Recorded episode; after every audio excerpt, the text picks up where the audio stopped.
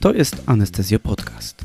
Źródło nowinek i praktycznych porad przygotowanych z myślą o specjalistach, rezydentach i pasjonatach anestezjologii. Mam na imię Szymon, a oto co dzisiaj dla Was przygotowałem.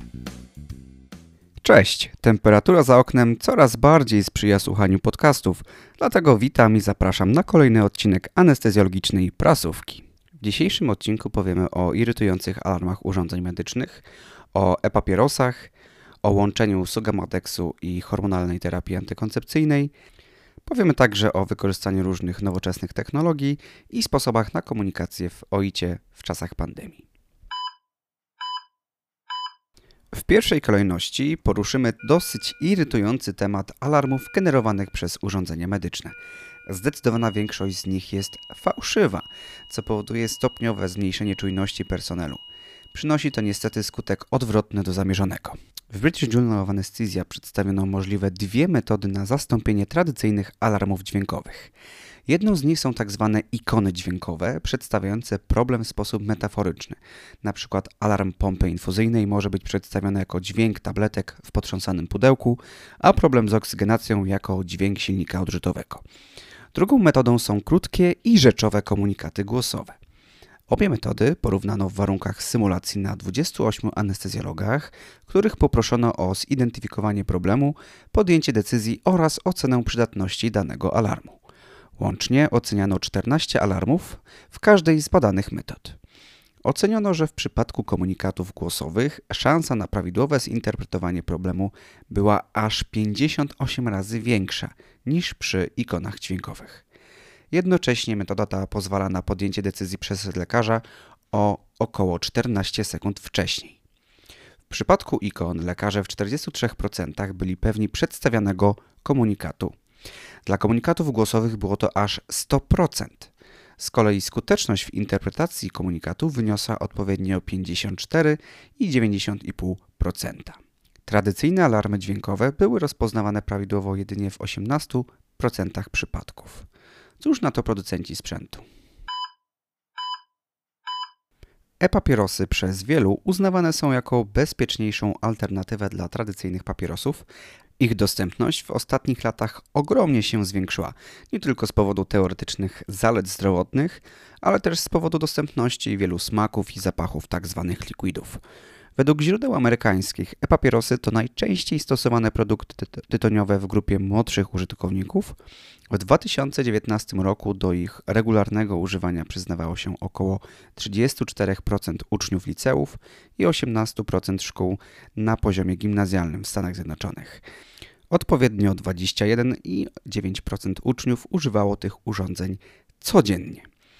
W ostatnich latach zaczęto odnotowywać przypadki uszkodzenia płuc spowodowanego paleniem papierosów, tzw. Tak EWALI, które objawiało się hipoksją, przyspieszonym oddechem, e, bólem opłucnowym, dusznością, kaszlem, czy też objawami z przewodu pokarmowego. Dodatkowo chorobie towarzyszą objawy ogólne, jak zmęczenie, złe samopoczucie czy gorączka. Cechą charakterystyczną e, tej choroby jest obecność obustronnych rozsianych zmian w płucach o charakterze mlecznej szyby. Diagnostyka różnicowa obejmuje procesy zapalne, nowotworowe czy też choroby układowe e, reumatyczne. Stąd diagnoza choroby Ewali jest raczej diagnozą z wykluczenia. Do 2020 roku odnotowano niespełna 3000 przypadków choroby, z czego 64 zakończyły się zgonem. Jednym z prawdopodobnych sprawców uszkodzenia płuc e, mogło być e, odstan witaminy E, który jest stosowany w likwidach z THC, czy też glikol propylenowy, a także część substancji zapachowych i smakowych. Być może jedną z przyczyn było także podgrzewanie tych substancji w, w urządzeniu, które mogło doprowadzić do powstawania związków o charakterze toksycznym. Duże badania kohortowe wskazują, że użytkownicy e-papierosów częściej rozwijają choroby układu oddechowego takie jak rozedma czy POHP względem populacji nieużywających e-papierosów. Ma to oczywiście znaczenie w postępowaniu okooperacyjnym. Pacjent odniesie istotne korzyści z zaprzestania palenia papierosów przed zabiegiem, podobnie jak w przypadku tradycyjnych papierosów. Należy wyraźnie rozróżnić kwestionariuszu pytanie o używanie papierosów i e-papierosów, ponieważ często w świadomości pacjentów e-papieres bardzo często nie jest czymś, co ich zdaniem wpływałoby na ich zdrowie i o czym warto byłoby powiedzieć lekarzowi.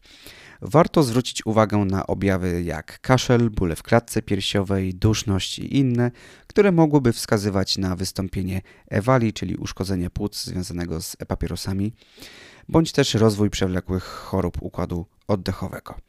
Prostym badaniem będzie osłuchanie płuc, czy też założenie pulsoksymetru. W przypadku obecnych objawów z układu oddechowego warto wykonać zdjęcie RTG bądź tomografię klatki piersiowej, a także skonsultować się z pulmonologiem w razie potrzeby. Jedną z opisanych interakcji dla sugammadexu jest wychwyt hormonalnych środków antykoncepcyjnych, w szczególności dla progestagenów. Skutkiem tej interakcji jest zmniejszenie ekspozycji na progestageny, co może odpowiadać przyjęciu dobowej dawki antykoncepcji hormonalnej 12 godzin później niż planowo. Według HPL-u równa się to z pominięciem dobowej dawki leku. Z tego względu pacjentek, którym dla odwrócenia blokady nerwowo-mięśniowej podano bolus sugammadexu, należy wdrożyć odpowiednie dla stosowanego leku zalecenia w przypadku ominięcia jednej dawki. Dotyczy to jednak tylko środków przyjmowanych doustnie. Dla preparatów e, o innej drodze podania należy zastosować dodatkową niehormonalną metodę antykoncepcji przez kolejny tydzień. Tyle z informacji w HPL-u. Jak wygląda wiedza o tej interakcji w praktyce, mówi nam badanie opublikowane w Anesthesia Analgesia. W szpitalu uniwersyteckim w Nashville zadecydowano o wprowadzeniu sugammadexu jako głównego środka do odwracania blokady nerwowo-mięśniowej, a dostępność neostygminy ograniczono do jednej ampułki na wózek. Zdaniem personelu potencjalne problemy ze skutecznością antykoncepcji miały tutaj istotnie mniejszą wagę niż istotne korzyści ze skutecznego odwrócenia bloku i zminimalizowania ryzyka wystąpienia bloku resztkowego. Autorzy przeprowadzili ankietę wśród personelu anestezjologicznego dotyczącą znajomości wspomnianej interakcji i stosowanego postępowania u pacjentek przyjmujących antykoncepcję hormonalną, u których podano Sugamadex. Kompletnych odpowiedzi udzieliło 165 osób. Prawie wszyscy ankietowani wiedzieli o tej interakcji, e, jednak wyłącznie dla doustnej antykoncepcji hormonalnej. Tylko połowa wiedziała o takiej interakcji dla hormonalnych wkładek wewnątrzmacicznych, implantów czy iniekcji hormonalnych. 72% badanych prawidłowo wskazało 7-dniowy okres stosowania dodatkowych środków niehormonalnych przy podaniu sugamadexu. 78% medyków stwierdziło, że konsekwencje podania sugamadexu powinno omawiać się w ramach wizyty przedoperacyjnej, jednak w praktyce robi to już tylko 32% ankietowanych. Z kolei 65% ankietowanych praktycznie nie porusza tematu antykoncepcji hormonalnej w trakcie wizyty premedykacyjnej. Co gorsza, tylko 8,4% medyków poinformował pacjentki po zabiegu o podaniu sogamadexu i wystąpieniu interakcji. Tlenoterapia wysokoprzepływowa stała się hitem w trakcie pandemii. Dzięki prowadzonym zakupom sprzętu pozostaną z nami liczne urządzenia do tlenoterapii wysokoprzepływowej. Od początku pandemii powstające wytyczne wskazywały na wiele zalet tlenoterapii wysokoprzepływowej, w tym chociażby mniejszą dyspersję cząstek zakaźnych, np. w porównaniu do wentylacji nieinwazyjnej. W zgromadzonych dotychczas wynikach trwającego badania Recovery RS zebrano dane 1259 mm, pacjentów leczonych w 48 brytyjskich szpitalach. Celem badania była odpowiedź na pytanie, czy CPAP, HFNO czy konwencjonalna tlenoterapia zmniejszają ryzyko intubacji bądź śmierci w ciągu 30 dni pacjentów z niewydolnością oddechową, którą w tym badaniu definiowano jako utrzymywanie się saturacji poniżej 95% przy FiO2 większym lub równym 40%. Z badania wykluczano pacjentów wymagających niezwłocznej intubacji, czy też tych, u których planowano deeskalację leczenia. W grupie CEPAP kontra tleoterapia zaintubowano bądź zmarło w ciągu 30 dni 36% chorych na CEPAPie i 44% na tleoterapii konwencjonalnej. Z kolei w grupie z tlenoterapią wysokoprzepływową kontra tlenoterapią konwencjonalną było to odpowiednio 44% i 45%.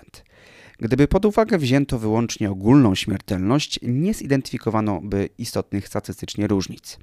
Odnotowano, że u chorych wentylowanych na CPAP-ie czas do intubacji był dłuższy, rzadziej też chorzy ci wymagali pobytu na intensywnej terapii. Z drugiej strony, u chorych tych istotnie częściej występowały działania niepożądane terapii. Było to 34% pacjentów z CPAP-em kontra 20,5% na tlenoterapii wysokoprzepływowej i 14% z tlenoterapią konwencjonalną.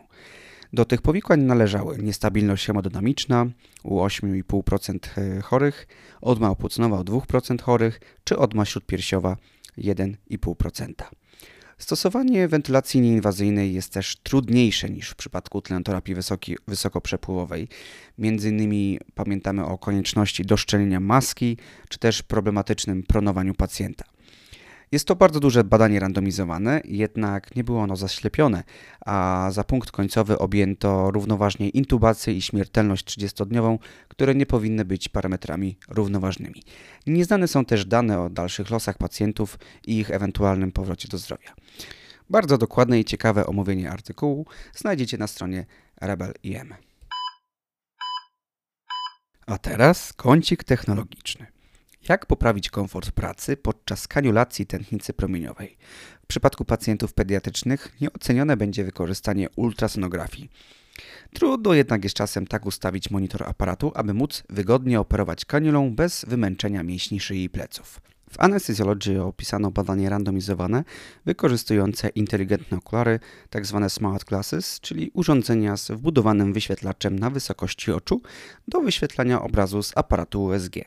Badanie miało sprawdzić, czy urządzenie, które pozwoli zmniejszyć ruchy głowy w celu sprawdzenia obrazu, spowoduje zwiększenie skuteczności kaniulacji tętnicy promieniowej. Do badania zakwalifikowano 116 dzieci poniżej drugiego roku życia, wymagających kaniulacji tętnicy promieniowej po indukcji znieczulenia ogólnego. E, w grupie lekarzy wykorzystujących Smart Classes odnotowano istotnie większą skuteczność pierwszej próby kaniulacji. Było to 88% kontra 72,5% w grupie kontrolnej, czyli tej z tradycyjnym podglądaniem monitora USG. Większą skuteczność odnotowano także dla drugiej próby kaniulacji. Mediana czasu do założenia kaniuli wyniosła w grupie z okularami 33 sekundy dla pierwszego podejścia i 35 sekund do drugiego podejścia. W grupie kontrolnej wyniosło to odpowiednio 43 sekundy i 50 sekund. Poprawie uległ także odsetek komplikacji, takich jak krwiak w miejscu wkłucia czy uszkodzenie kaniuli. Warto wspomnieć, że użytkownicy okularów deklarowali większą ergonomię pracy w tej metodzie – Autorzy w dyskusji przywołują podobne badania, które prowadzone były na grupie pacjentów dorosłych. W tych badaniach nie wykazano korzyści z zastosowania urządzenia, co mogło wynikać z łatwości kaniulacji u dorosłych, czyli głównie większego kalibru naczynia względem dzieci, bądź też prowadzenia badań na grupach niedoświadczonych, jak studenci, rezydenci. Urządzenie ma oczywiście swoje wady. Jest cięższe niż zwykłe okulary, waży 120 gramów w porównaniu do wagi okularów w przedziale 25-50 gramów, stąd jego przedłużone użycie może powodować dyskomfort u pracowników. W notatkach do odcinka możecie zobaczyć, jak wyglądało zastosowanie urządzenia w praktyce. Artykuł jest w otwartym dostępie. Na koniec chciałbym zapoznać Was z systemem 10 znaków migowych, które mogą być wykorzystywane przez personel intensywnej terapii w sytuacjach, gdy komunikacja głosowa jest utrudniona. No, taką sytuacją może być oczywiście przybywanie w pełnym kombinezonie ochronnym na oddziale covidowym. Niestety nie żyjemy w realiach serialu Grey's Anatomy, którego bohaterowie noszą hełmy PAPR, do których wbudowano mikrofony. Proponowany system znaków migowych składa się póki co z 10 podstawowych symboli, które mogą być oczywiście w razie potrzeby rozwinięte o kolejne, pod warunkiem, że będzie to w jakiś sposób ustandaryzowane. I tak, symbolem dla nagłego zatrzymania krążenia, czyli tzw. Tak code blue, jest zaciśnięta pięść uniesiona do góry. Wózek reanimacyjny to dwie zaciśnięte pięści umieszczone jedna na drugą na wysokości klatki piersiowej i ust – z kolei potwierdzenie zrozumienia komunikatu to popularny znak OK, czyli kciuk i palec wskazujący wyznaczający O i reszta palców uniesiona w górze. Czynność serca symbolizuje lewa ręka zaciśnięta w pięść na klatce piersiowej, a ciśnienie tętnicze to lewa ręka na tej samej pozycji, ale rozprostowana. Prawą ręką, skierowaną kciukiem w górę lub w dół, precyzujemy, czy mamy do czynienia z tachykardią, zwyżką ciśnienia, czy też z bradykardią lub spadkiem ciśnienia. Tablica z 10 znakami znajduje się w notatkach do odcinka. Dziękuję serdecznie za wysłuchanie tego odcinka anestezjologicznej prasówki i widzimy się już za kilka tygodni. Do usłyszenia.